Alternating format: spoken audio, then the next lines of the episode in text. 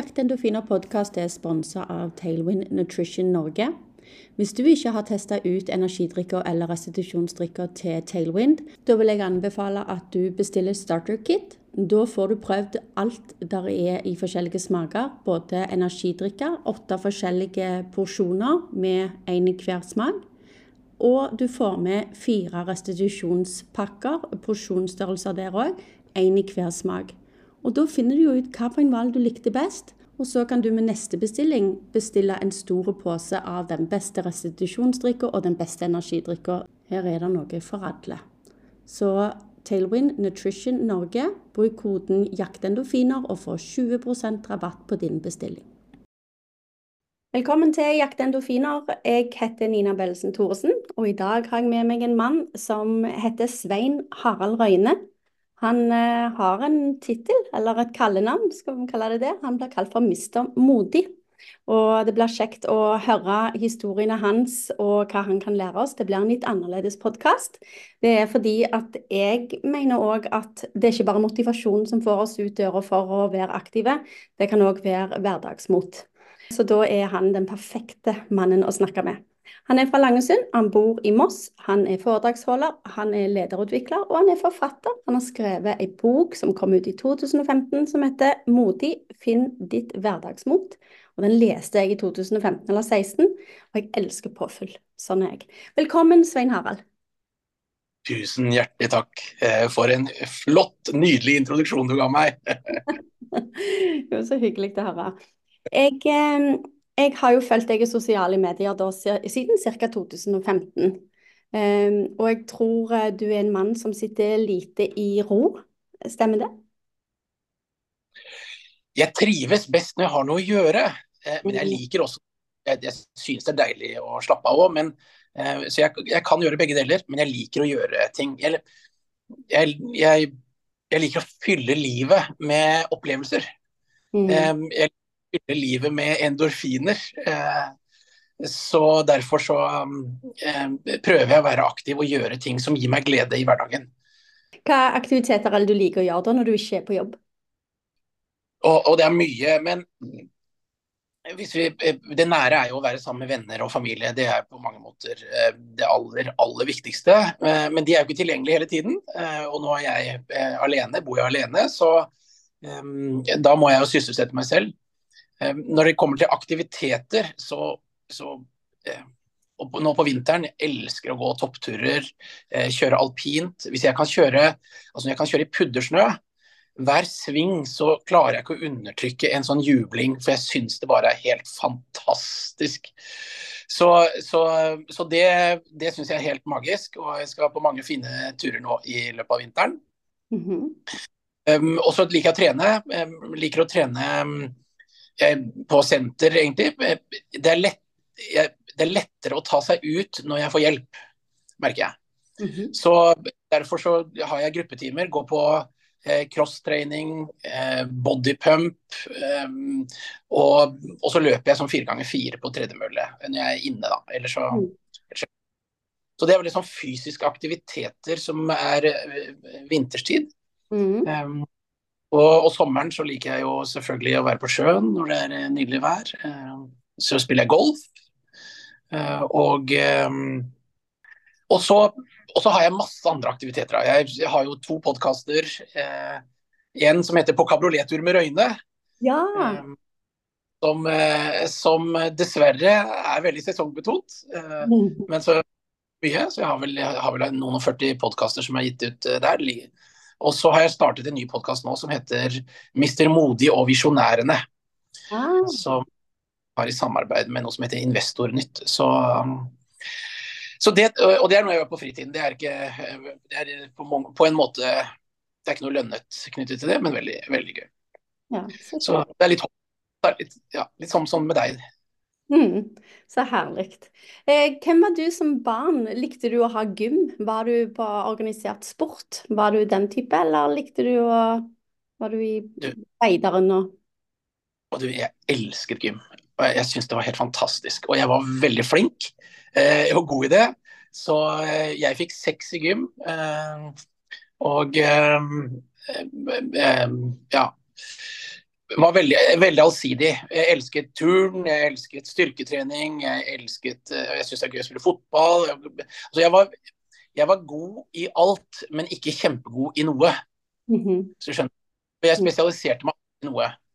Så selv om jeg drev med friidrett Friidrett Det beste jeg klarte, var en sølvmedalje i Telemark-mesterskap for ungdom i min klasse i stille lengde. Så, så, jeg har aldri eh, liksom, kjørt noe, gått noe sånn til topps i noen idrett eller eh, gjort det. Hadde, men hadde, hadde til mye, men jeg vet, vet, egentlig ikke hvorfor det aldri, hvordan det ble sånn. Men mm. gymtimene jeg, var helt fantastisk. Eh, så det var eh, høydepunkt. Eh, og, så det å løpe salto på, på kassa og alt sånt, det syns jeg var kjempegøy. Da. Oi, så Var turen det kjekkeste i gymmen? Jeg syns alt var gøy. Jeg syns sirkeltrening synes jeg var kjempegøy. Jeg syns, jeg syns fotball, håndball, um, basketball syns jeg var utrolig gøy. Um, nei, egentlig alt. Jeg likte, likte all, all, fysisk aktivitet. Syns jeg var kjempegøy. Mm. Og, så du var aldri redd for å prøve nye ting? Du tok det på strak arm og, og var med? Det falt naturlig for deg? Ja, og sånn fysisk så gjorde det. Falt mm. meg naturlig. Vi hadde, jeg husker han gymlæreren vår, han hadde også dansetimer med oss. Eh, da var jeg mer ukomfortabel, det må jeg innrømme.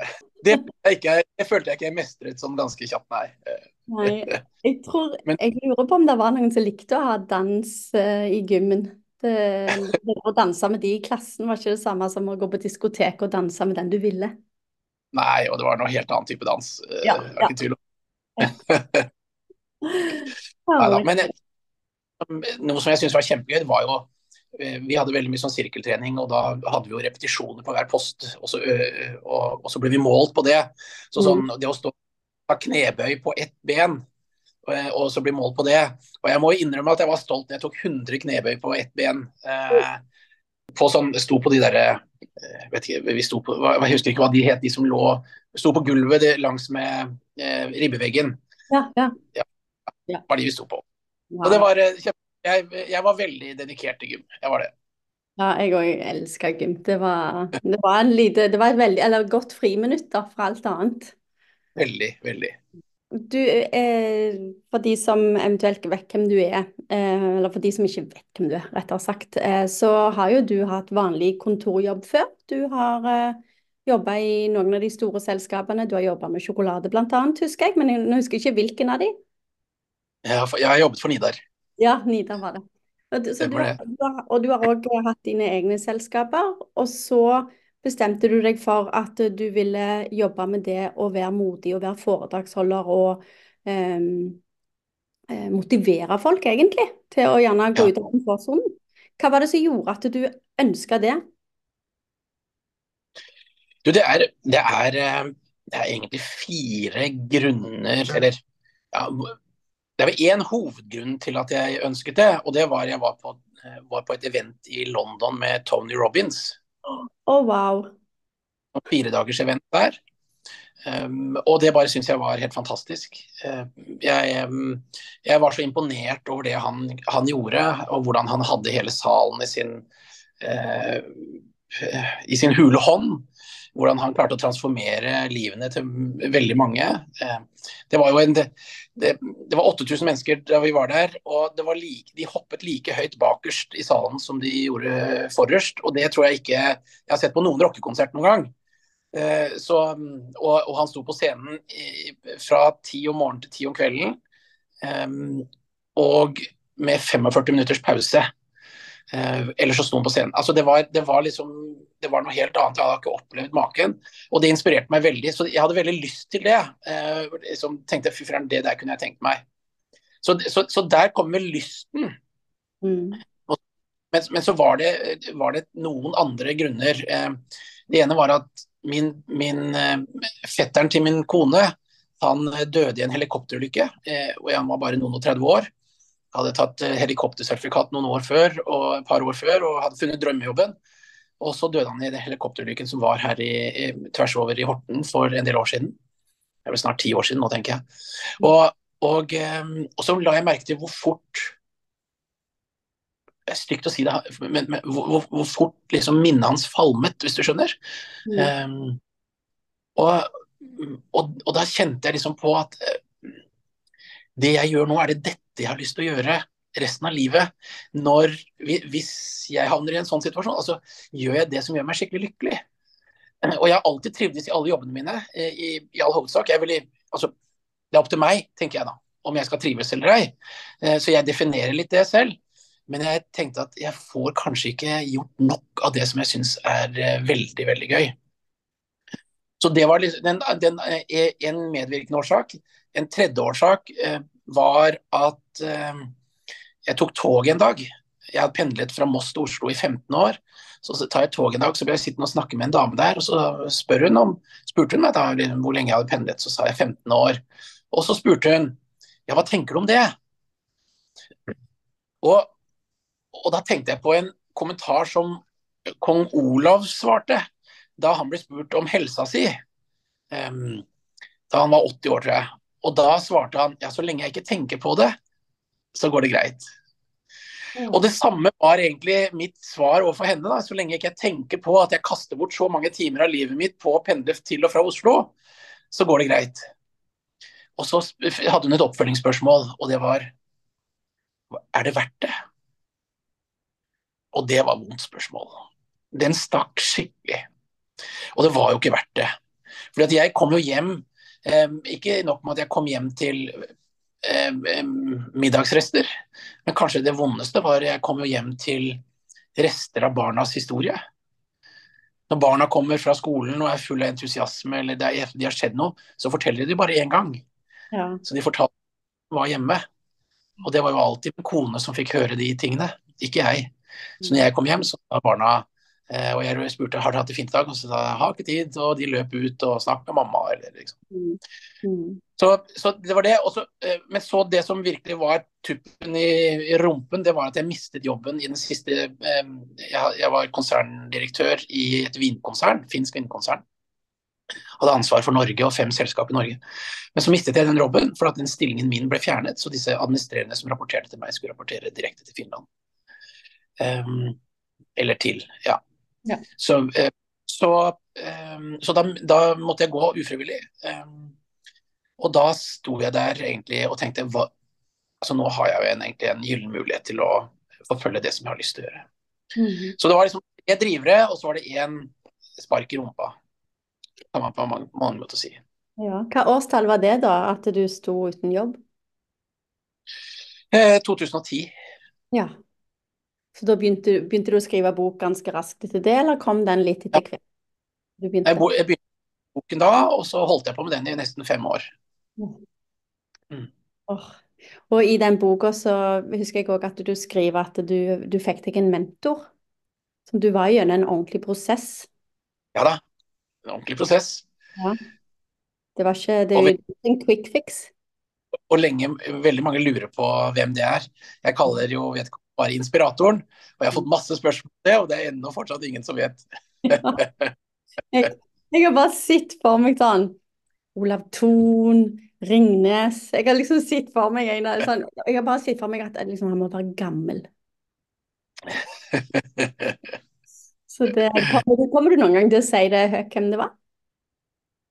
Jeg har sagt at jeg ikke skal gjøre det, så da må jeg kanskje ja. Da er det greit å holde det. Men det spennende for de som leser og prøver å gjette seg frem til. Ja, ja, ja. Men nå er det jo det med eh, altså, Boka di og, og, sikkert mye av foredragene er vel om hverdagsmot. For det går vel ikke an å liksom, gå tom for å snakke om det? Eller snakker du om andre ting òg enn det å være modig? Den røde tråden i alt jeg snakker om, er jo om å være modig. Mm. Men lederforedrag, som sant, eh, fra sjef til leder eh, er et foredrag som heter. Så holder jeg foredrag om endringer. Eh, hvem sier at endringer er vanskelig? Og, så holder jeg et foredrag om salg, og, den, og, og, da, og som heter 'Fra behov til lyst'. og så har jeg da og så har jeg et mer sånn arbeids, arbeidsglede eller arbeidslyst-foredrag som, som, heter 'Fra tussi til tigergutt'. Å ja. ja, jeg har sett de bildene hvor du kler deg ut. Ja. Ja. Ja.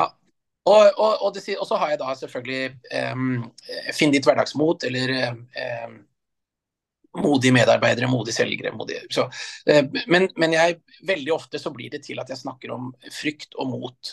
Det er det som står mitt hjerte nærmest på mange måter, fordi det, det er det viktigste eh, for oss mennesker. Det å være modig er menneskets viktigste egenskap, mener jeg. Mm. Ja, for det kan være sånne bitte små ting som at, eh, å gi beskjed at noen mister en hanske på bakken, til å tø- altså snakke med et helt vilt fremmed menneske, til, til å si, hoppe ut av et fly. Um, Mm. det, ja, for jeg merker at jeg, jeg tar meg i det mange ganger at skal jeg, jeg prøver å holde meg igjen fordi at jeg er veldig frittalende. og uh, så av og til tenker jeg nei, nå skal jeg ikke jeg være den som gjør noe her. Eh, og ofte da ser jeg jo, der er jo andre òg, men jeg pleier gjerne å være litt for kjapp. Eh, så det er litt deilig òg å se at andre òg kan trå til, og så se, se folk hjelpe. Så det, Mm. I sånne tilfeller, da. Mm. Men eh, hvordan er hverdagen din da? Du reiser du mye rundt omkring i hele landet, holder disse foredragene? Ja, det er jo det jeg gjør, så jeg blir jo engasjert av eh, og på eventer og organisasjoner rundt omkring i hele landet og holder, holder foredrag. Så det er jo veldig gøy. Og jeg, det. Mm. Er jo, det er jo en av de tingene jeg er veldig opptatt av, det er jo å gjøre ting jeg elsker som jeg syns er gøy. Um, livet er fryktelig kort, livet går utrolig fort. Um, og det merker vi jo. og vi, vi, vi, alle, vi alle sammen reflekterer over det og sier åh, nå er det nå er liksom januar over allerede. Um, um, og, og vi kjenner på det. Men, men tar vi konsekvensen av den observasjonen? Og det syns jeg vel kanskje vi ikke gjør. Vi observerer det og uffer og oi- oi- oier litt, grann, og så fortsetter vi videre. Som, som om ingenting har skjedd, egentlig. Ja. Og det har på mange måter tatt et oppgjør med for min egen del. Eh, Så, eh, så jeg har eh, Det er derfor jeg sier at jeg, jeg gjør ting jeg har lyst til. For jeg, og jeg, jeg satte meg ned en dag og så lagde jeg meg en liste over hva er det jeg elsker å gjøre? Eller når er det virkelig bruser i brystet mitt? Når er det jeg gjør ting som virkelig bruser i brystet? Sånn at jeg, og, og jeg føler at jeg, at jeg akkurat som jeg er kobla på et strømnettet og bare blir fylt av eh, positivitet, elektrisitet, energi, eh, lyst, glede, livsglede. Mm. Og, eh, og det å sette seg ned En ting er å tenke over det, men en annen ting er å sette seg ned og skrive det ned og få det på papir. Mhm. Og da er å kjøre i puddersnø eh, noe av det beste jeg vet. Eh, jeg elsker å stå på scenen og holde foredrag. Eh, jeg, jeg elsker å være sammen med kameratene mine eh, og, og sitte og drikke øl og sitte og ljuge og fortelle historier. Så vi ler så mye at det er ikke en treningsøkt som trener magen så godt som, som å gjøre det. Jeg elsker å være sammen med barna mine når vi gjør noe hyggelig sammen, eller familien. Um, altså, så når jeg har laget det, denne listen, når, har, når jeg har den listen, så må jeg flytte, putte det inn i kalenderen. Jeg må, jeg må plotte det inn i kalenderen sånn at jeg vet at jeg får gjort det. Og jeg må prioritere det som gir meg de, de, den gleden. Og, og også trene. altså virkelig, Når jeg virkelig trener, eh, når jeg går toppturer. altså Så den listen, få, få det på papir, og så ha den hengende foran deg på hvor enn det er. Og så sørg for at jeg får blottet det inn i kalenderen. Kjempeviktig. Så på denne lista som du lager deg, da, hvor mange punkter kan det typisk være? Skriver du bare ned alt du kommer på, ting du bare får eh, blodet til å bruse, eller eh, Og så fordeler du det på en måned og et år? Er praktisk, da, så, ikke sant? det er jo sesongbetont. Um, så eh, når det er vinter, så kikker jeg jo på helgene, og så avtaler jeg jeg har venner som bor i Narvik, så jeg avtaler å dra til de. Jeg har en kamerat som har eh, hytte i Lofoten, så jeg avtaler og det. Um, jeg skal til Hemsedal eh, og avtaler, så jeg liksom prøver å fylle da de weekendene. Mm. og så er er jeg med i to herreselskap. Eh, som har da eh, henholdsvis ti og fem møter i året. så Da plottes det inn. og Det har, de har førsteprioritet, selvfølgelig. Så kommer det jobb, så må jeg nesten bare si nei, for at dette er viktigere. Nesten, da. Eh, wow. og, eh, og, ikke sant? Så, det er, så, det er hele, så det er veldig sånn bevisst eh, Lager et års, en, en årsplan for de viktigste tingene i livet. Mm. eh, som du kan ha på en kalender som henger på veggen. Det, er- da er det litt sånn, litt sånn som jeg gjør med at vi, vi planlegger allerede sommerferien akkurat nå, i januar, eller slutten av januar. Vi pleier å ha den i boks før vinterferien. hvert år. Og så har vi jo vinterferie, påskeferie. Og så planlegger jeg mine løpeturer i ut- og innland med venninner utenom. Så det er liksom Ja. Så ja, det er kult. Ja. Jeg, jeg, jeg tenker, får du ikke Hvis du ikke får det ned på papir, hvis du ikke får satt et tidspunkt på det, så skjer det ikke. Det er det samme som Du har helt sikkert møtt en eller annen eh, venn som du ikke har sett på lenge, tilfeldigvis på gaten. Mm. Og så prater man, og det er jo som du ikke har vært borte fra hverandre i det hele tatt. Og det er så hyggelig, og, og, og man prater, og så må man løpe videre. Og så sier vi vi får ta en kaffe i dag. Ja. ja, det gjør vi. Ja. Mm. Skjer det? Mm. Og, og, det jeg har begynt å gjøre nå, det er med en gang eh, når jeg kommer i en sånn situasjon, så vi sier det, skal vi ta en kaffe i dag? Ja. Og så sier jeg vi finner fram mobilen, og så kalenderen, og så plotter vi det inn i kalenderen. Og det er da, da får du det gjort. Ja, så det å få det inn i kalenderen, det er nøkkelen for å få ting gjort. Mm. I hvert fall én av nøklene. Ja. I, i boka di så, eh, så, snakker, eller så skriver du òg om det med altså det der med at vi er nå her på jorda, og forhåpentligvis så skal vi leve lenge. Eh, og hva hvis hver en dag var en Post-It-lapp, og hver dag så måtte du rive av veien og kaste den.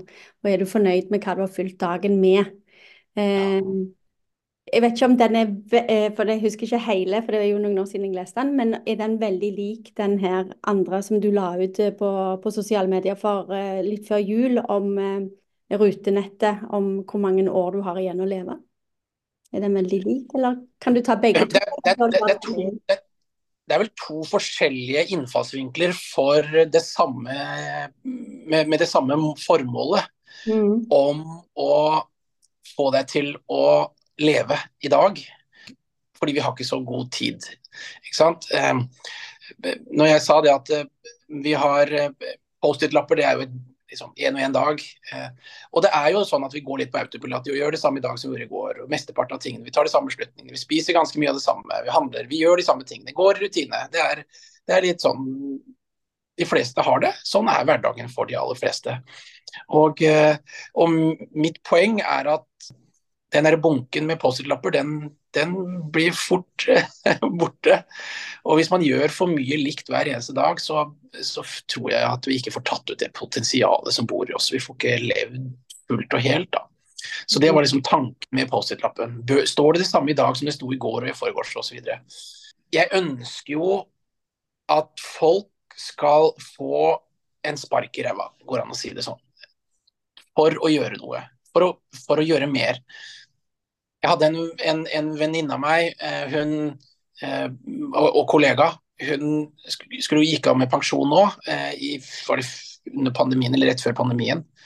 Og jeg hadde møte foran, og hun gledet seg så utrolig til å gå med pensjon. og Hun fortalte hva hun skulle gjøre, og det var ikke måte på. Og så tror jeg bare en uke før hun ble pensjonist, så døde hun. Og, vet, og det der er jo sånn reminder vi alle får, og så, og så forsvinner det i mengden igjen etterpå. Så det jeg egentlig ønsket med denne, dette rutenettet, det var um, å egentlig gi en ny spark. da, uh, Og visualisere egentlig hvor lite tid vi har. Så enkelt fortalt så, så er modellen slik at vi, gjennomsnittsnordmannen lever ja, Kvinner lever lenger enn menn, menn 84,5 år eller noe sånt menn 81,2 81, Men la oss for enkelhet si at vi, vi begge lever 81 år, da. Og Da ber jeg folk tegne et ruteark på 9 ganger 9 ruter. 81 ruter.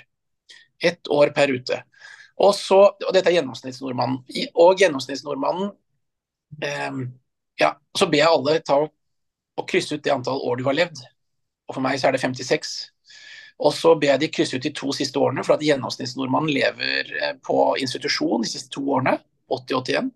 Og så ber jeg de eh, skravere eh, med grått, i hvert fall fra 70 til 80, fordi gjennomsnittsnordmannen får noen fysiske begrensninger eller ja, blir syke eh, rundt 70. Da, man, da, begynner sykdommene å komme. Alderssykdommer eller hva det måtte være. Aldersrelatert. Og så har jeg tegnet et, liten, et lite hjerte på 59, eh, rute 59, for det, da døde min biologiske far. Og hele poenget er når du har krysset av dette her, så begynner du å se hvor få ruter det er igjen. Hvis jeg lever like lenge som en biologiske far, så har jeg to år igjen. Eh, hvis jeg lever som gjennomsnittsstormann, så har jeg 13-14 gode år igjen hvor jeg kan gjøre egentlig det jeg vil. Eh, jeg tror jo selvfølgelig at jeg kommer til å bli over 100 år eh, og ha god helse hele tiden. Men jeg kan også bli borte i morgen for den, den sakens skyld. Men, men det, å, det, å, se det svart på hvitt, at det, ja, det er egentlig bare to år til, så er jeg like gammel som min far når han døde. Hvis jeg, eh, hvis jeg lever som gjennomsnittsnordmann, så er jeg 14 år. Og da tenker jeg, hva er det vi venter på? Hva er det vi skal være redd for? Hvem venter du på tillatelse fra for å gjøre de tingene du ønsker å gjøre? Så hele, hele mitt mål er å få uh, folk til å komme seg opp og ut og gjøre det som de har lyst til å gjøre, men som de ikke kanskje tør. Fordi de har blitt så vant til å leve sånn som man gjør da, i dag. Uh, med de rammene og de begrensningene det er. Mm. Jeg syns det var den uh jeg tror jeg så han rett, rett før jul, eller for jeg tror iallfall hun tegnte opp denne rutenettet for min mor når hun var hos oss i julen. Ja. Hun, hun, ble jo ehm, det, Ja, hun ble 72 i år. Ja. Min morfar ble 72. Min mormor lever ennå, er 94. 93? 94. Men jeg, jeg tok jo og tegnte opp ni ganger ni og holdt på. Så sa jeg også kan vi, for din skyld, sa jeg, så kan vi plusse på noen år her. Siden mor fremdeles lever. Men, men det er liksom det, det, som du sier, er det samme som jeg prøver å formidle i min podkast og på Instagram, og jeg vet så mange andre òg gjør det. Fordi at når du har funnet en sånn skikkelig glede, en skikkelig passion for noe, så har du så lyst til at andre skal være med på det toget. Du har så lyst at de skal få kjenne på de samme gode følelsene, på mestringsfølelsene, Uh, uansett hva det er. Um, om det er å, å, begynne med ny aktivitet eller prøve å pushe litt grenser på den aktiviteten de bruker nå for å kunne ha et sunnere liv, for å kunne leve lengre um, og, og, gjøre mer av det vi er glad i. For det er så mange som, som du sier, da, gjør det samme, som virkelig gjør det samme hver dag. Uh, og du spør hva de skal gjøre i helga, og så nei. Skal se er sånn og sånn som kommer på TV. Skal vel ha noe godt til middag. Og så skal du Nei, det var det, var det denne helgen òg. Men de liker det, men de er veldig sånn Hva skal jeg si, de er veldig, veldig monotont, da. Ja. Prøve å ja, eh, få litt flere av de der gledesspikes på en sånn hjertemonitor. Litt flere av de i hverdagen, da. Ja, jeg kaller det lykkeblikk, jeg. Ja. Lykkeblikk, ja. Øyeblikk av lykke. Vi kan ikke gå rundt og være konstant lykkelige. Jeg tror, er, jeg tror, det ikke er mulig. Og så tror jeg heller ikke at du da ville sette pris på det. Det er som, det er som, det er som eh, Du setter ikke pris på solen i Florida um, når det er sol der hele tiden, eller, eller i, i, i, Sahara for den sakens skyld. Fordi da er den der hele tiden. Vi nordmenn setter jo utrolig stor pris på været nettopp fordi at det, er, eh, det går opp og ned og fram og tilbake. Mm, og jeg, derfor så, så, så, så variasjon er, er viktig for lykke. Og Derfor så, så går rundt og være lykkelig hele tiden, det klarer man ikke. Men å, ska, å, å skape lykkeblikk, og det er opp til en selv. Ja, mm. Det er opp til meg. Ja. Det, er mitt, det, er mitt, valg. Jeg, jeg, må velge det i veldig stor grad. Uansett hva, uansett hva, livet kaster imot deg, så har man et valg. Du har alltid et valg hvor han, han um, um, Hva heter han? Ins, og forfatteren av Nå står det helt stille.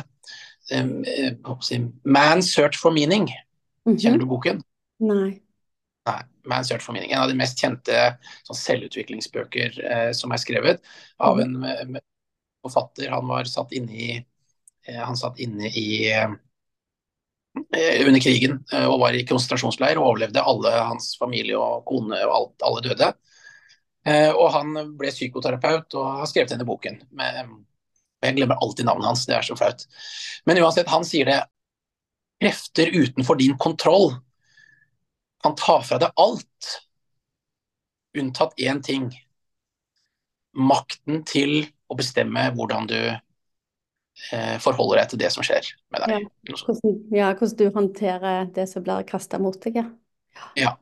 Og, det, og det, er eh, Eller han bruker ikke ordet makten, han bruker friheten til å velge. velge til å velge hvordan du skal tolke det eh, mm. og forholde.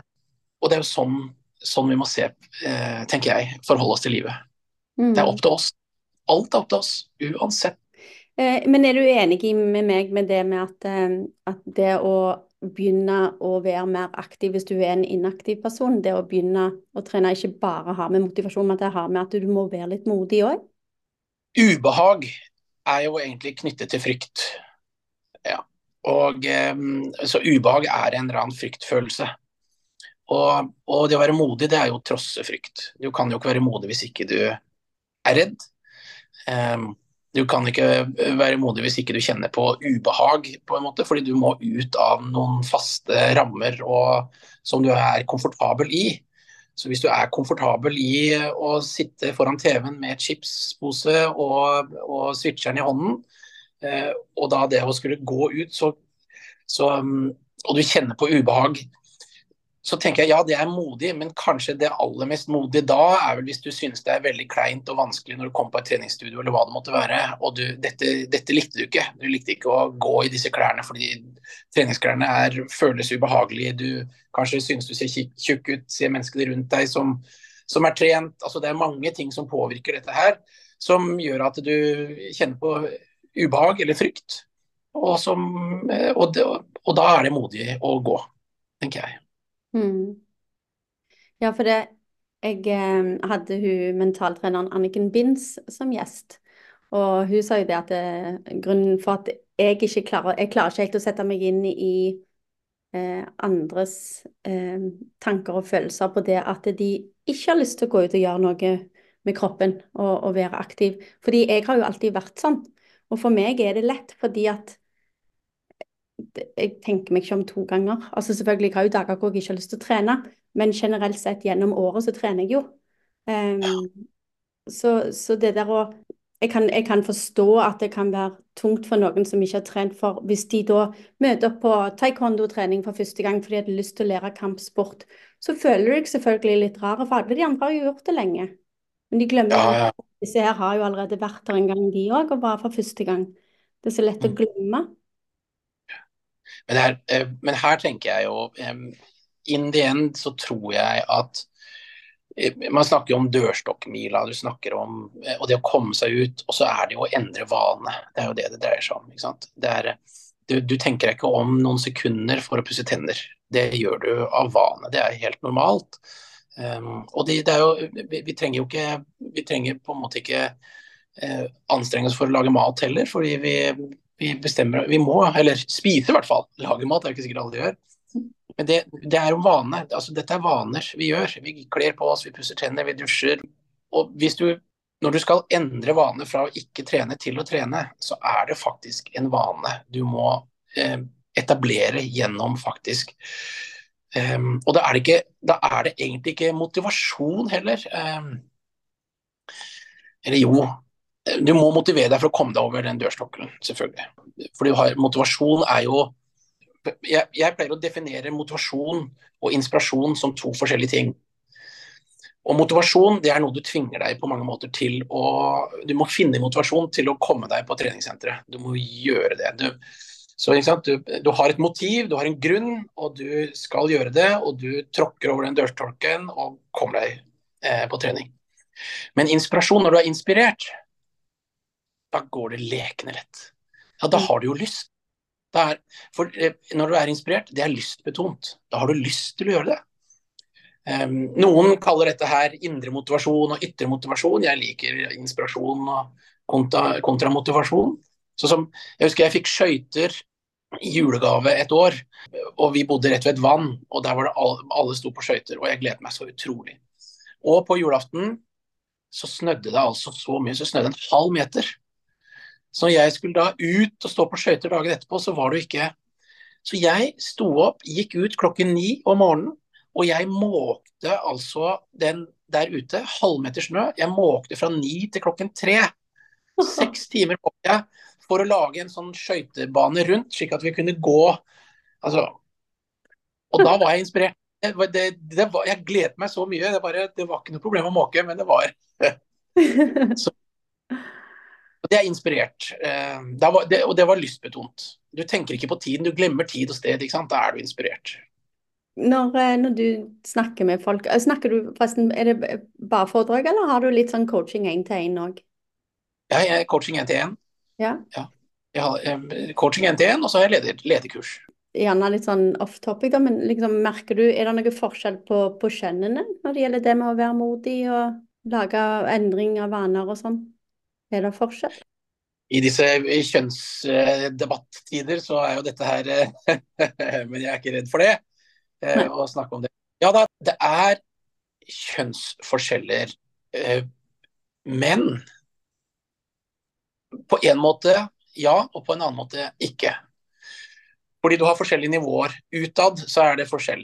Men når du kommer innunder, uh, innunder uh, skallet på de, så kan menn være like usikre som kvinner. Det er bare at kvinner i større grad er flinkere til å tørre å si det enn det menn er. Så når du kommer innunder huden og blir litt bedre kjent med menn, så, så kjenner du og møter også den samme usikkerheten. De, er mye, de har mye tykkere masker.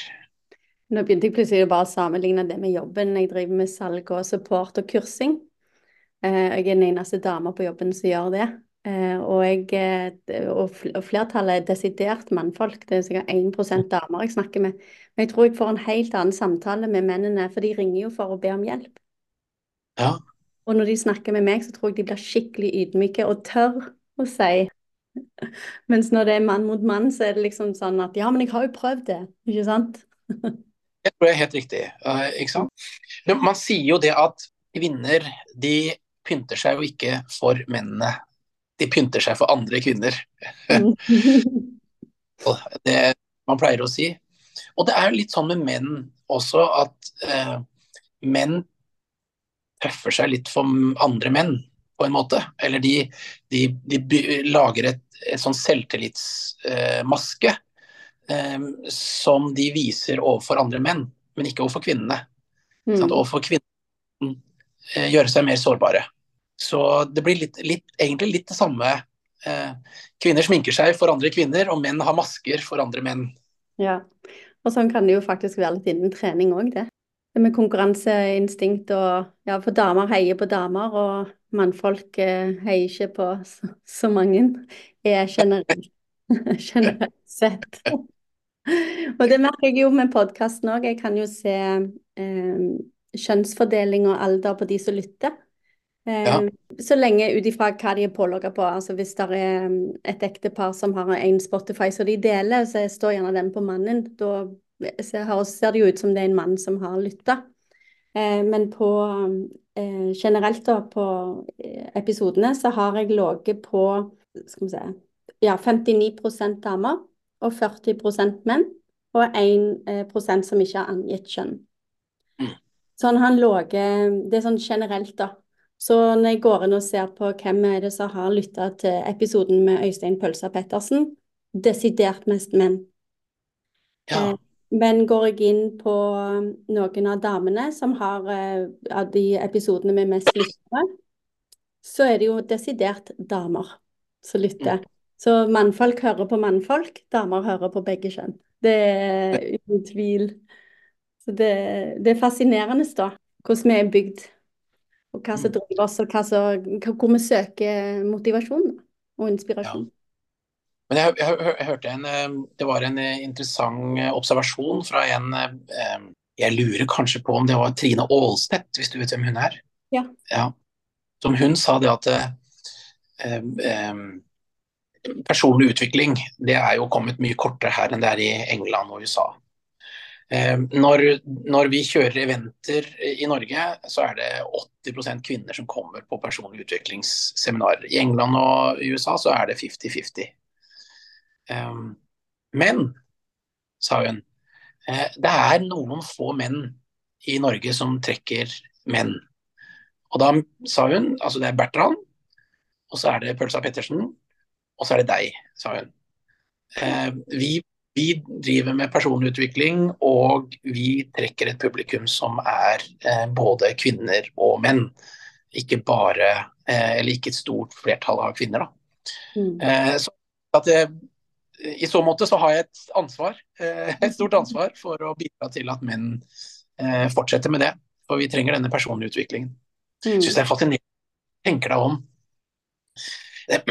Det er, dette er en liten, nå, nå prater jeg, men litt, en litt sånn digresjon, da. Eh, når jeg holder lederkurs, så sier jeg det at det er altså egentlig fire områder. Eh, men hvis vi holder lederkurs utenfor, så er det tre, de tre viktigste områdene i livet går vi ikke på kurs for å lære noe om.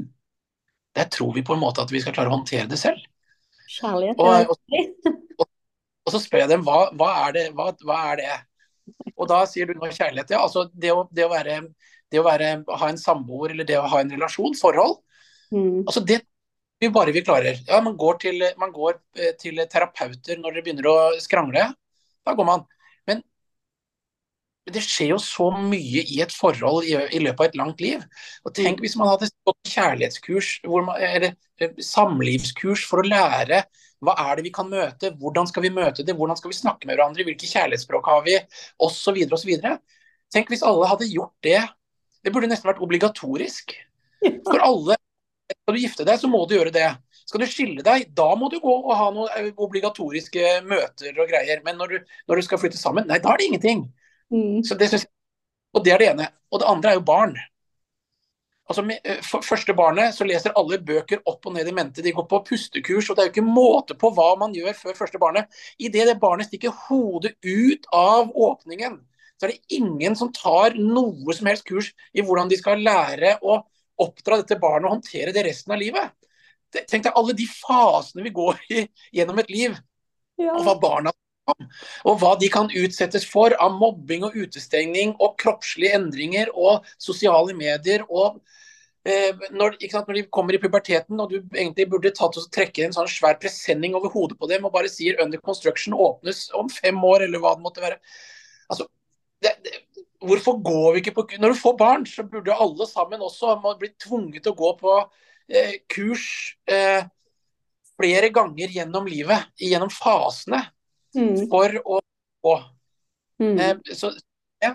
Men det siste, og kanskje det aller viktigste, er jo en selv.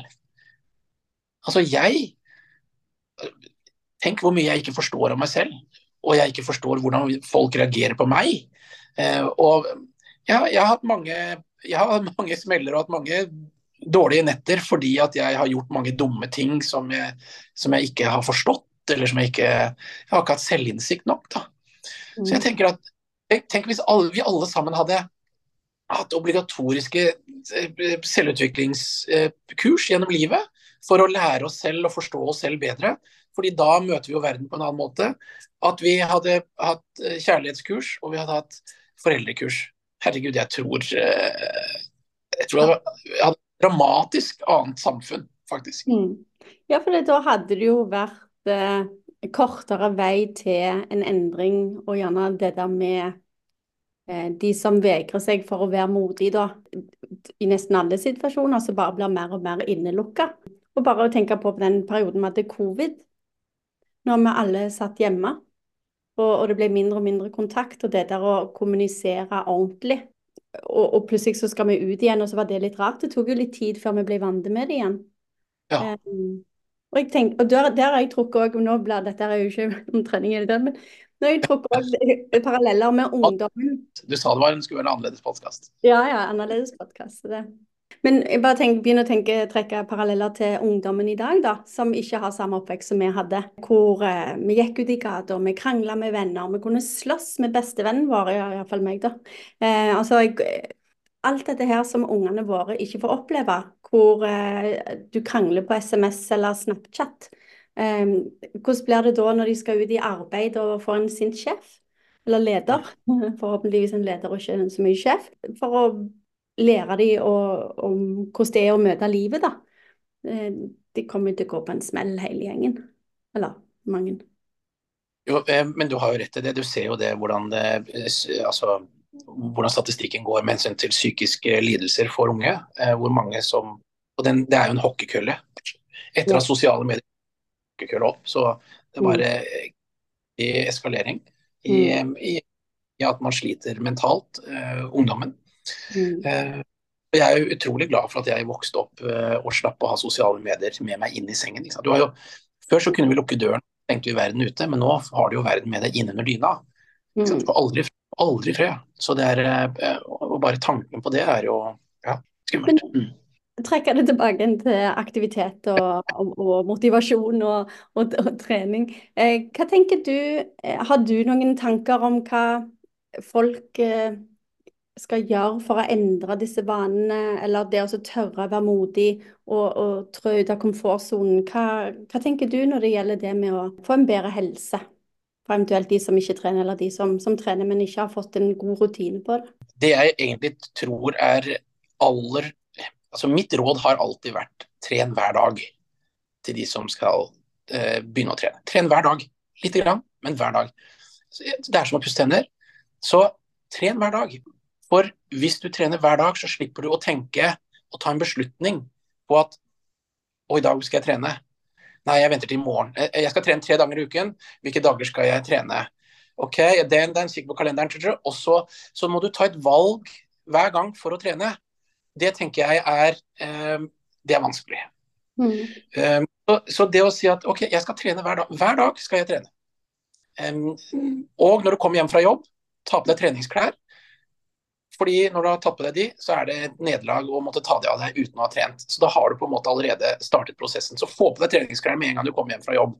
Og så er det jo å plotte det inn i kalender, tenker jeg er kjempeviktig. Hvis du da altså det er kanskje utopi å trene hver dag og si at du skal trene hver dag. Men det kan hende det holder å ta eh, ti eh, pushups, ti situps, ti eh, triceps pushups, eh, 50 knebøy. Altså gjøre det på morgenen eller etter. Altså, sånn at du kan tikke av. Ja, jeg har trent i dag.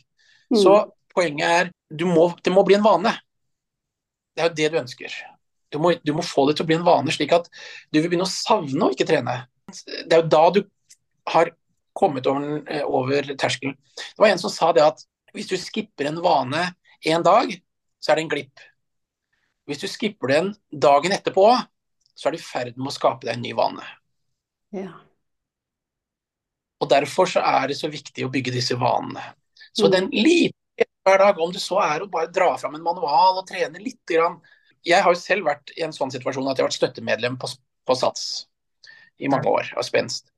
Og det som gjorde, Jeg gjorde to ting. For det første, Da jeg startet for meg selv, så tenkte jeg at jeg, skal jeg få folk til å endre sine liv, så må jeg også vise at jeg klarer det. Så jeg begynte å trene. Og Det som funket for meg, det var å finne meg helt faste timer i gruppetimer og gå på sats eller spenst, som det er i Moss. Og når jeg kom dit, jeg følte meg jo som Bambi på isen. Altså, det var helt forferdelig. Jeg følte det kleint. Jeg, jeg, var ikke sprek, jeg visste ikke hva slags utstyr jeg skulle bruke. Folk snakket sammen. Det var, nei, det var skikkelig ubehagelig. Det var skikkelig ubehagelig. Uh, og der følte jeg du, Hvis du spør om å være modig, så tenkte jeg ja, der er det modig. Når du kommer dit og du føler deg som bambi på isen. Og så tenkte jeg det at OK, ja, da er det sånn, da. Det er sånn det er. Og så når jeg kommer neste gang, så vet jeg at ja, da finner jeg vektene der, og jeg finner der, osv. Så, videre. så da går det lettere.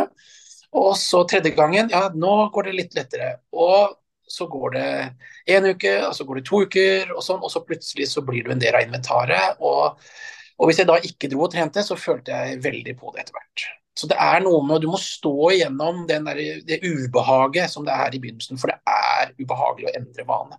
Det er ubehagelig å endre vanene og begynne å trene. Det er ubehagelig å gå på et treningssenter hvor du ikke har vært før. Du kjenner kanskje ikke folk. Nei, det er, eh, det er et ubehag. Jeg kom på nå at For mange år siden så trent, var jeg med på et sånn 100 dagers challenge på Instagram. Ja. Hvor, eh, hvor, vi la ut et bilde. Da la vi ut et bilde hver dag. Det var egentlig litt slitsomt, men da, til slutt så ble det, det ble mye tøys. Jeg tror det var da jeg ble skikkelig uhøytidelig med at jeg ikke brydde meg om hvordan bildene så ut. Altså hvordan jeg så ut, om det liksom ene øyet var halvveis igjen, eller smilet var ikke perfekt, eller ja, eller ingen smil. Men eh, da var det uansett hva det var, typ sånn som du sier da, eh, ta noen situps, pushups før du gikk i dusjen om morgenen. Eh, eller gjerne du tenkte at du skulle gjøre noe senere, du glemte det ut, og så endte du opp med å gjøre det rett før du la deg. Da hadde du gjort det. Før det så trente jeg to ganger i uka. Så hadde jeg eh, noen runder med disse her 100 dagers challenge med litt pauser imellom. Eh, med litt trening på senter utenom. Men nå, når jeg trener, nå er det første gang jeg følger et maratonprogram med fire økter i uka istedenfor tre, som jeg har pleid å ha før. Og det jeg merker, er jo med de oppholdsdagene så gleder jeg meg jo til neste økt, fordi jeg syns det er dumt at Sånn som i dag. Mandag. Jeg trener ikke mandager og torsdager. og da eh, er det er noen av de fridagene jeg har, da. Eh, og lørdag. Og da gleder jeg meg jo eh, i morgen, for da skal jeg ut og løpe igjen. Du har liksom lyst til å brøle det til folk. Til, eller bare sånn 'bli med meg', bli med. Jeg vet ikke hvor mange jeg har tatt med meg på trening, men, jeg, men så er det det òg at de må ha lyst til å gjøre det seinere alene etterpå.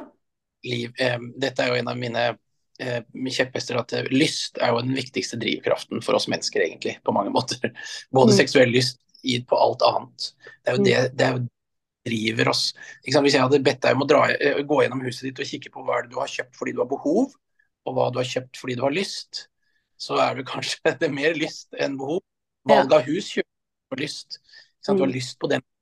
Det er, eh, ja, du har behov for sånn og sånn og sånn, og sånn, men, men du, du velger jo leilighet etter lyst. Man velger jo bil etter lyst, ikke behov.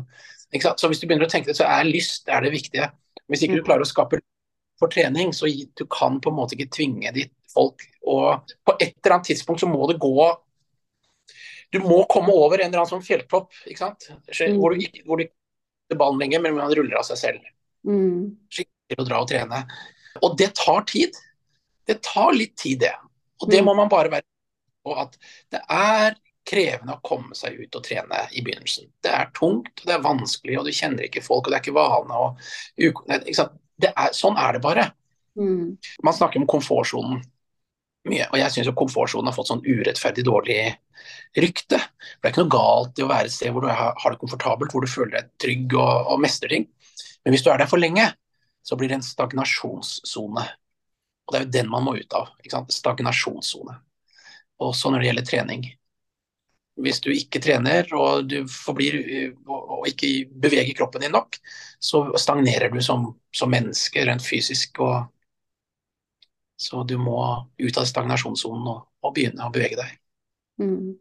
Jeg har eh, hatt eh, ei dame på som gjest som en, episode som kommer ut neste uke. Eller denne uka er det jo, det mandag. Det er Linjære. Og hun er over 60 eh, og driver med styrketrening.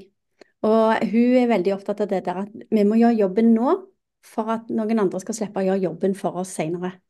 Altså, det er sant at vi skal bli noen 80 og gjerne 90 og gjerne 100, men det der å klare oss sjøl, da. Jeg hadde ikke det vært.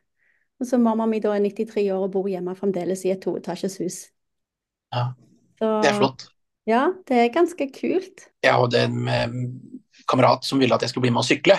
Og da hadde ikke jeg syklet på Jeg hadde syklet én gang i løpet av den sesongen, eller noe sånt nå, så skulle vi sykle. Og vi skulle da sykle et sånt grenseritt, tror jeg det var. Ja, du har syklet det? Mhm. Ja. Og så Men jeg hadde trent veldig mye bodypump. Um, og eh, også når vi, drar, når vi møtes, så skal vi mm, dra og sykle. Og da sa han at for at vi skal komme raskest, så skal vi sykle skikkelig bratt oppoverbakke. Lang, eh, opp og ned, opp og ned en bratt opp oppoverbakke. Den raskeste måten. Det er på mange måter fire ganger fire, men på sykkel, da. Mm.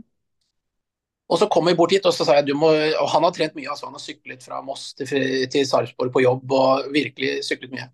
Og så sier jeg du må være snill med meg nå, sier jeg. Eh, ja, det, ja, ja, ja, han skal gjøre det, det går bra. Og så begynner vi å sykle. Opp og ned. Og så tror du ikke at jeg altså, rett og slett knuste han. Fordi at den styrketreningen med sant, står der og tar 100 utfall og knebøy og sånn på bodypump skikkelig. Så jeg var så sterk i bena, i tillegg til veldig utholdende.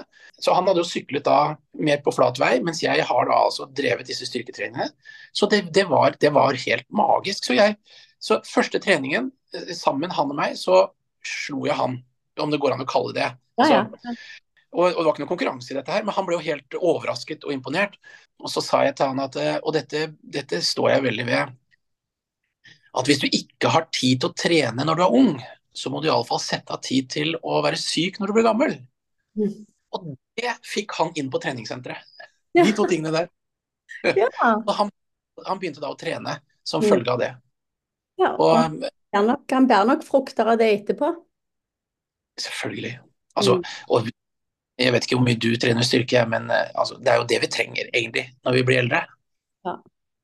Det, jeg, eh, jeg var flink til å trene styrken da jeg var medlem av SATS. Nå er jeg medlem på et senter hvor det ikke er noen som er der. Det er sånn selvbetjening 24 timers, hvor jeg møl, bruker møller når det var minus 20 grader og sånt. Så jeg meldte meg inn 1. januar, for det, nå skulle jeg i gang med programmet. Men eh, etter jeg har hatt eh, to stykker, to damer som driver med styrketrening da, på podkasten, så, så, vet jeg Jeg kjenner det jo. Jeg får knute i magen eh, av at jeg er altfor svak, så jeg må trene mer styrke.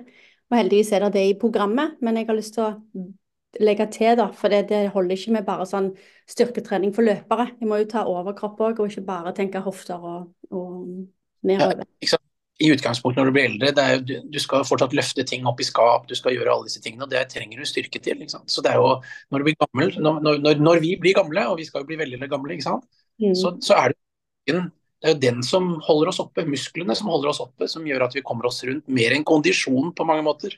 Ja, virkelig. Faktisk. Bare å reise seg fra en stol eller komme seg opp av senga. Det, det kan gå gale hvis du ikke er sterk.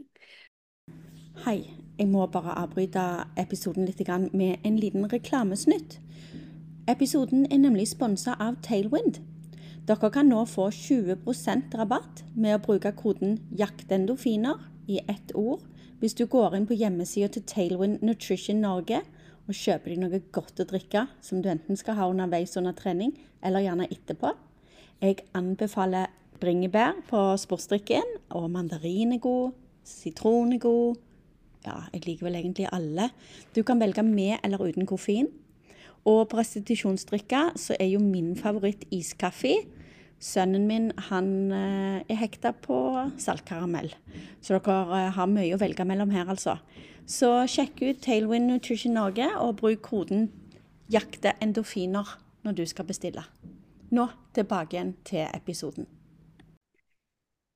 Hva er det som motiverer deg, da? Er det det å holde seg frisk og leve lenge, eller er det andre ting som skikkelig driver deg? Det er flere ting som driver meg, men uh, det viktige er å kjenne på lykkefølelse, den brusende følelsen. Uh, veldig viktig. Og så er det å gjøre noe som har betydning for andre. Det å kunne hjelpe andre. På en eller annen måte. Når jeg ser når jeg, når jeg, får tilbakemelding fra kunder som har endret livet sitt pga. at de har blitt inspirert til å være modig, da det, det, gir meg en rus som jeg lever lenge på. Så nå det, fikk jeg nettopp en melding av en dame som hadde eh, vært på webinar med meg og eh, hadde blitt modig nok til å bryte ut av et dysfunksjonelt eh, ekteskap. Eh, og hadde tatt mot til seg til å gjøre det. Og det, det er en del jeg, jeg får en del sånne tilbakemeldinger.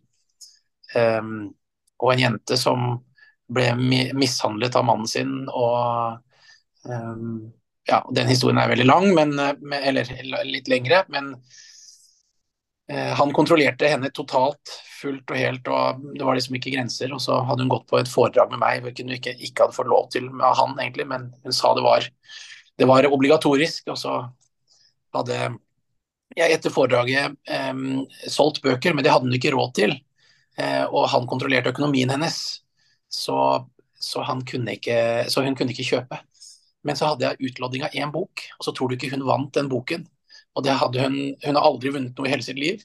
Og så hadde hun smuglest boken min eh, uten at han visste om det. Og så hadde det skjedd mye sånn, i forholdet, og, og, han hadde slått henne og, og sånn. Og så en dag så hadde hun bare tatt med seg barnet og dratt på krisesenter og sagt og Så sendte hun mail til meg og sa du er min helt. Eh, hvilket jeg ikke, absolutt ikke følte. Det er jo hun som var eh, den modige og som gjorde noe. Jeg bare står og snakker om dette, men hun, hun, eh, hun var jo den modige som gjorde det da. Ja, det så, og jeg, når jeg får slike tilbakemeldinger, så det, det gjør jo noe veldig det, det, gjør noe veldig med meg. Eh, og inspirerer meg veldig til å fortsette. Ja, virkelig. Du vet den brusende følelsen som du snakker om, vet du hva jeg kaller den? Mm. Høy på livet.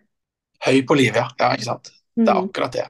Ja, det, det er skikkelig deilig med sånne, sånne ja, øyeblikk eller uh, ting vi opplever. Ja, så jeg søker den følelsen, så søker jeg en følelse av at jeg gjør noe med mening, noe som betyr noe. Mm. Jeg, så, og, men, men, også en tredje ting, mestringsfølelse generelt sett. da. Eh, mm. Det, det, å føle at jeg jobber for noe og mestrer det, det gir jo også en utrolig stor tilfredsstillelse. Så, så, jeg tenker det, kanskje det er, eh, det er, det er de viktige tingene. Jeg prøver å være snill. Det er altfor lite snillhet, syns jeg, rundt omkring i samfunnet i dag. Så mm. det hadde jeg håpet at mange andre mennesker var også. snillere, at vi er snillere med hverandre, et snillere ordskifte. At Mm. vi rett og slett hjertevarme. Mm. Mm. Vi kan jo håpe, f.eks. sånn som i janteloven, den tror jeg er virkelig på vei ut. Eh, Så vi kan jo håpe at folk blir snillere og, og kan heie på hverandre og være, være ydmyke for hverandre og, og huske at alle har en bagasje. Og la folk få blomstre sånn som de ønsker. At vi ikke trenger å bry oss så mye. Ja, jeg, det kan hende at den er på vei ut, men jeg synes at samfunnet blir hardere og hardere. Altså, kommunikasjonen og, og mellom mennesker hardner til. Um, og du ser jo bare hva som skjer i USA med, med sjefs, verdens sjefsmobber Donald Trump, som får eksponering hele tiden. Um, folk som vokser opp med han i media.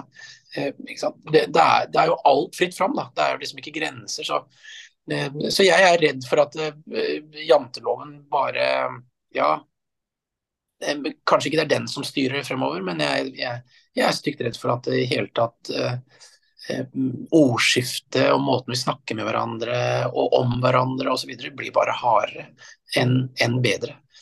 Og det skal ikke jeg si som alltid egentlig er optimist og ser positivt på framtiden. Men jeg tenker at det er noen, da må vi andre forsøke å jobbe imot de eh, dystopiske kreftene. Mm. Og så tenker jeg at det, da er det jo fint at det er, er si, sånn, frontfigurer sånn som deg og Bertrand Larsen og, og andre som, som, kan gi hjelp, da. At det, og, og, at det er så lett tilgjengelig. At eh, firmaer kan hyre dere inn til, til foredrag. Eh, det er podkaster å lytte til. Eh, sånn at det er folk som tenker at jeg, jeg, kommer nok aldri til å få noe mer kunnskap om dette, eller at de ja, ser på nyhetene og det og det, eller de leser, prøver å lese noen bøker, men de kan allikevel få hjelp av andre, da. At det, det fins. Og jeg tenkte også på det som vi snakka om tidligere, hun Hedvig Montgomery kunne jo vært på resept.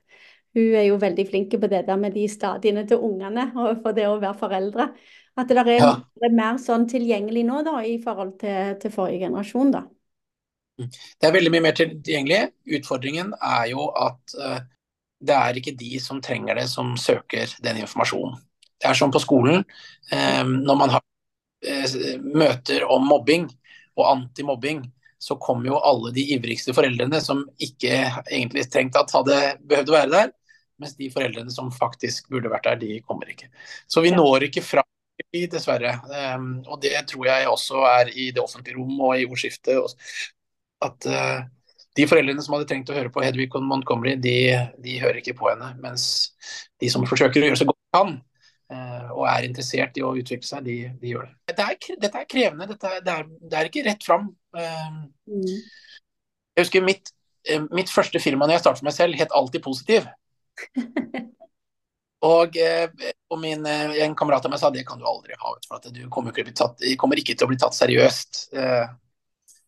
Og på en måte så skjønner jeg hvor han vil, men egentlig så burde jeg heller eh, hatt et annet ord, eh, et annet navn, og det er alltid optimist. Fordi det er forskjell på å være positiv og være optimist. Hvis du er eh, positiv, da, det betyr jo at da kan du sitte nede i en brønn og alt er mørkt, og så sier du ja, men se der rundt, det er jo bra her likevel. ikke sant? Det er jo ikke det. Men hvis du er så kan du si ja, men se der oppe er en åpning, vi kommer oss dit på en eller annen måte. ikke sant? Så vi, du alltid tror at vi klarer å komme oss ut av en eller annen situasjon. Så optimisme er noe annet enn å være positiv. Så alltid optimist, og det er jeg egentlig. Jeg tror jo at uansett hvor dystert uh, ting er nå, så vil vi som art klare å finne en eller annen løsning på de utfordringene. Både mm. og lokalt, og i alle mulige settinger. Det, jobb, det er jo masse jobber i riktig retning. Ja, vi får håpe at det, det er de snille, gode folka som, som seirer.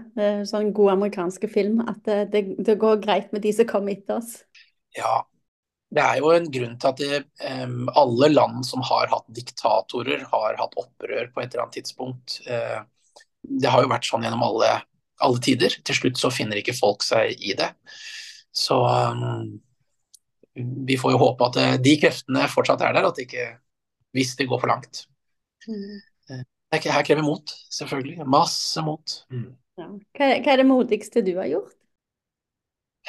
Det, det, er egentlig det er mange ting som jeg synes har vært veldig modig. Da jeg ble skilt, eller da vi valgte å gå fra hverandre, jeg og kone, og det å gå ut og, og, tro at noen ville elske meg igjen, eh, det, det følte jeg var veldig modig. Syns jeg var veldig modig. Den, men kanskje det som jeg kjenner aller mest på, det var da jeg tok kontakt med min biologiske far når jeg var 26 år. Ja. Og, um, og det å ringe han uh, Da var jeg redd. Um, redd for å bli avvist igjen. For han, han, forlot oss før jeg ble født. Men jeg er oppkalt etter han, så mamma var jo også forelsket i han. Uh, og håpet at uh, han skulle komme tilbake, og så gjorde han ikke det. Um, og, og, jeg fant dette ut at min pappa ikke var min biologiske far før jeg gikk på ungdomsskolen. Så, um, og da la jeg min biologiske far for hat. Ja. Um, noen, måtte legge, noen måtte jeg legge den, den sårbarheten i, eh, eller retninger. Jeg måtte legge Ja, jeg måtte plassere den sårbarheten et sted, så da la jeg han meg for hat. Men da jeg traff min tilkommende kone og vi skulle gifte oss, så sa hun er du ikke nysgjerrig, og så begynte hun å skape en nysgjerrighet hos meg. Så da jeg var 26 år, så ringte jeg til han, og, eh, og jeg skiftet T-skjorte to ganger før jeg ringte fordi jeg svettet så fælt av frykt. Ja. Eh, og, og, da jeg ringte, så svarte han hallo. Og så sa jeg hei, det er Svein Harald Røyne. Og så ble det stille, og så sa jeg vet du hvem det er? Og så sa han ja, det gjør jeg, sa han. Denne telefonen har jeg ventet på i 26 år. Å, hallais, nå fikk jeg masse frysninger. ja. Og det var, eh, det var en eh, meget, meget sterk eh, opplevelse. Og så, ja. så spurte jeg han eh, hvorfor har du ikke tatt kontakt? Og så sa han det at jeg følte jeg brant alle broer når jeg stakk før de ble født. Så det var opp til deg å ta kontakt, og ikke meg. Og så spurte han om jeg kunne tilgi han. Og det sa jeg ja til. Og det Og når jeg gjorde det, så følte jeg på en måte at jeg tok tilbake makten i vår relasjon. Fordi sant, han har stukket fra meg og ikke vil ha noe med meg å gjøre, og så da har jeg på en måte følt et sånn med underlegen. Når han ba om tilgivelse og jeg ga han tilgivelse, så følte jeg på en måte at jeg var stor nok til at jeg kunne eh, Jeg var raus og stor nok til å gi han den tilgivelsen. Og da, så vi hadde, vi hadde, vi bygget en relasjon og hadde det veldig hyggelig, men han døde tolv år senere, dessverre. Da han var 59, som jeg ja. nevnte i stad. Men vi hadde tolv veldig fine år da. Jeg, eh, og det var veldig sterkt, og nå får jeg bruk for denne. Jeg må ja. også spille inn podkaster eh, her på kontoret, så trenger jeg eh, litt snytepapir av og til. Men av og til så hjelper det å bare tørke tårer med fingrene òg.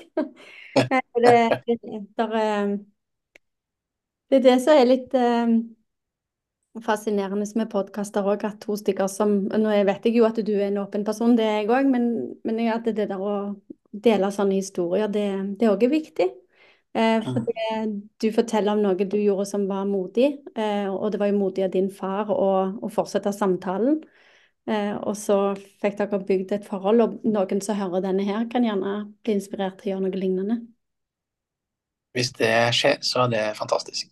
Ja, det var det, nå var det nesten sånn, nå håpet jeg gjerne det var det, og ikke noen som tok på seg eh, gode sko og gikk ut og gikk seg en tur. ja. Nei, det er fantastisk herlighet. Ja, nei, det, det er viktig å å prøve å ja, kjenne litt på magefølelsen og, og, og ta steg ut av eh, komfortsonen i, i, både viktige saker og, og, mindre viktige saker. Det er virkelig. Men så fint at dere fikk hatt eh, så mange år sammen, da. Ja, det var veldig flott. Så var det jo utrolig trist at han døde. Altså, mm. Eh, men, men det, og det er jo det som er litt av eh, hva skal vi si, budskapet mitt da, til alle mennesker. Du vet ikke hvor lenge du har menneskene rundt deg som du er glad i, du vet ikke hvor lenge du har livet selv, du vet ikke hvor lenge du får oppleve ting som du har lyst til å gjøre. Det, um, og det å utsette ting eh, uh, Ja, da plutselig så skjer det noe som gjør at du aldri får gjort det. Da. Så er det noe man har lyst til å gjøre på papir, og begynne å legge det inn i kalenderen. en liten historie på det òg. Eh, nå husker jeg, jeg er litt sånn eh, dårlig på navn her. Det var en gutt da han var 15 år, bodde i USA. Eh, han lagde seg en bucketlist med 115 ting han skulle gjøre før han døde. Han var, dette, han var 15 år. Og, eh, og, det var ikke så enkle ting. Han skulle gå hele den kinesiske mur, han skulle seile hele Amazonas, han skulle ta hele Nilen, han skulle gå på forskjellige topper osv. Han skulle lese alt av Shakespeare, han skulle lese Britan Lexicon Britannica, han skulle eie ape og katt, ja, masse. Da han var 59 år, så var den listen økt til 130, og så hadde han gjort 108 av de, eller sånt, noe sånt noe. Ja. Og da ble han eh, intervjuet. Um, og um, For det var jo fantastisk at han har klart å utrette så mye. Um, og da spurte de hvorfor har du klart det? Hva er det som har gjort at du har klart det? Alle mennesker har jo bucketlist, eller har jo ting de har lyst til å gjøre her i livet. Ja. Eh, hvorfor har du klart det? Og han hadde ett et svar. Én teknikk. Og det var sett en tidsfrist. Sett deg en tidsfrist på alt. Og han sa jeg gjorde, satte jo ikke tidsfrist, det er jo 15 år på alt sammen. Jeg plukket ut to-tre ting som jeg valgte å fokusere på. Så satte jeg en tidsfrist når jeg skulle være ferdig med det, og så jobbet jeg målrettet mot de. Og når jeg hadde gjort det, så satte jeg en ny tidsfrist på to-tre ting, så jobbet jeg målrettet mot det. Og på den måten så klarte han gjennom da årene fra han var 15 til han var 59, så klarte han altså over 108 eller over eh. Han hadde også dratt til månen, den hadde han ikke fått gjort. Men det er jo fantastisk det er jo liksom sånn som delmål og, og, og større mål, da, med, med, tanke på trening. Å holde seg i aktivitet uansett hva type det er. Om det er å få et nytt belte i taekwondo eller karate, eller vinne en fotballkamp eller cupen, eller ja, få bedre tid på maraton, eller bare fullføre maraton, eller hva enn. Bli sterkere. Alt. Ja. Mm. Det går jo an å brukes på så mange måter. Så sett en tidsfrist. Og, og, det jeg gjorde da jeg begynte å trene, var jo at jeg lagde, jeg tok bare en, et ark med tre, 31 ruter for en måned, hang på døren og trene, så skulle jeg sjekke av hver dag på at jeg hadde trent. Og denne motivasjonen ved å se disse eh, kryssene eller V-ene på hver, eh, hver, dag, var utrolig gøy. Og så plutselig så ble det sånn at jeg hadde jo ikke lyst til å bryte den. Mm. Jeg hadde at det liksom alt Ja. Mm. Så på den måten. Og det var bare for å svinge gjennom barneoppdragelse før vi avrunder nå. Ja, ungene får klistremerker når de var på do. ja.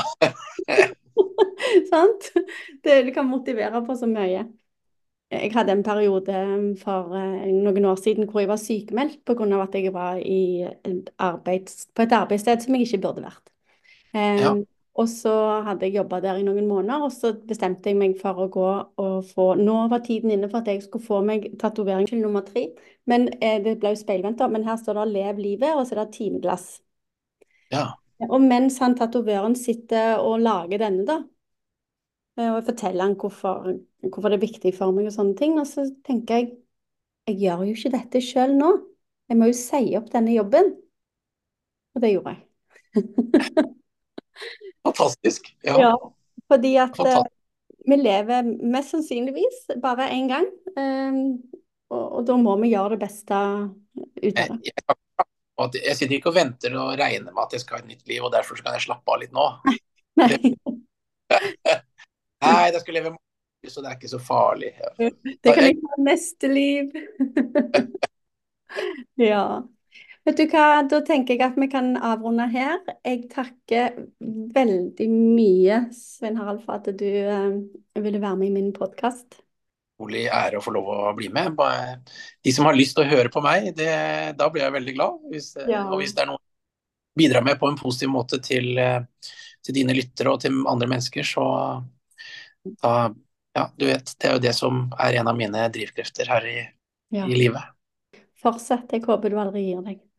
Eh, hvis eh, lytterne vil eh, finne Svein Harald, så er det jo bare å søke opp Svein Harald Røyne. Han har både en hjemmeside og han er på sosiale medier, sånn at dere kan sjekke ut han og følge han, ikke minst, og få litt inspirasjon i, i hverdagen.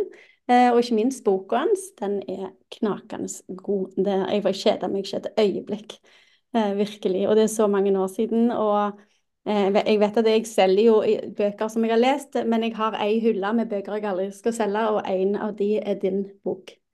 Eh, For den kan, den kan leses igjen.